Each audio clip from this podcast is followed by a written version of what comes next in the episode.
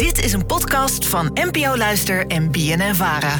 Hey, alledaagse vragen. Wat ik mij al ellenlang afvraag. Waar komt de uitdrukking uit de kast komen vandaan? Dat is toch ontzettend raar? Ik kom uit de kast. Alledaagse vragen. NPO Luister.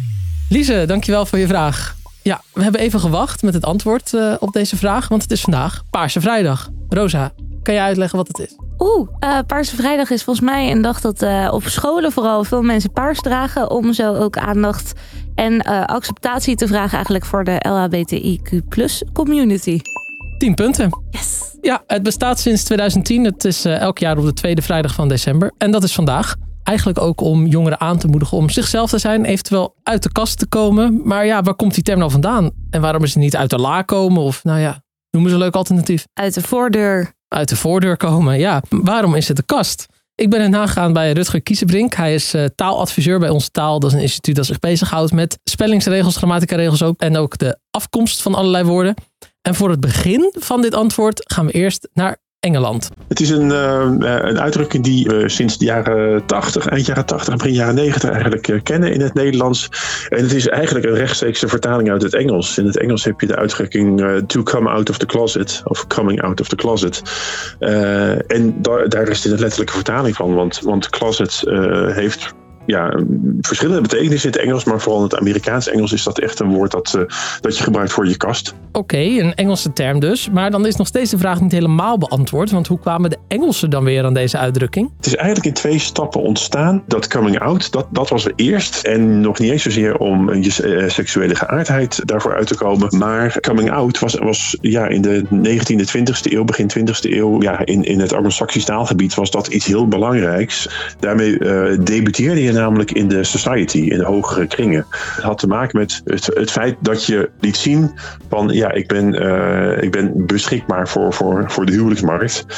Dat waren van die debutant balls in Engeland en Amerika. Dat, was dus, uh, dat werd als iets heel belangrijks gezien. Dat, dat met name de, de meisjes lieten zien dat ze dan beschikbaar waren voor, uh, ja, voor, voor de huwelijksmarkt. Ja, iedereen die Bridgerton heeft gekeken of Pride and Prejudice, die is hier bekend mee met de debutantenbal. Vind je niet jammer dat we deze traditie hebben losgelaten? Ontzettend jammer, wat wil ik mezelf graag op de markt zetten.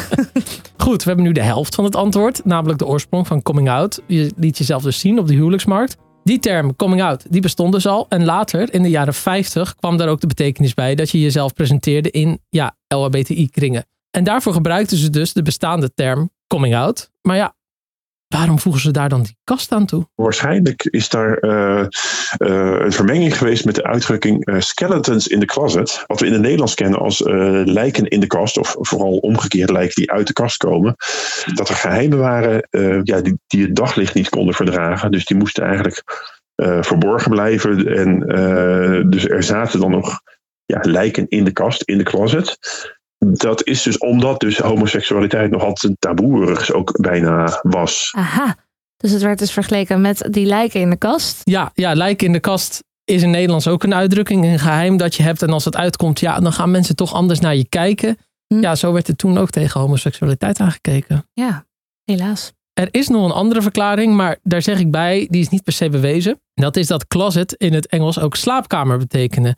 Waarmee je de seksualiteit dus uit de closet, de slaapkamer haalde. En dat je dus iets eruit haalde wat eigenlijk geheim had moeten blijven. Maar ja, of dat zo is, dat is niet zeker.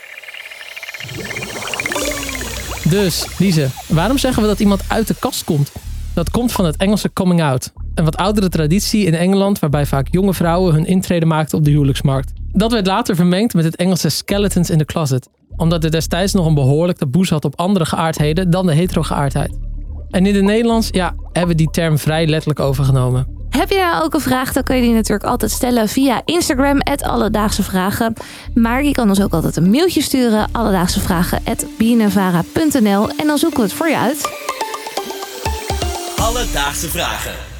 NPO Luister. BNN Vara. Hele fijne Paarse Vrijdag ook. Gekleed en paars.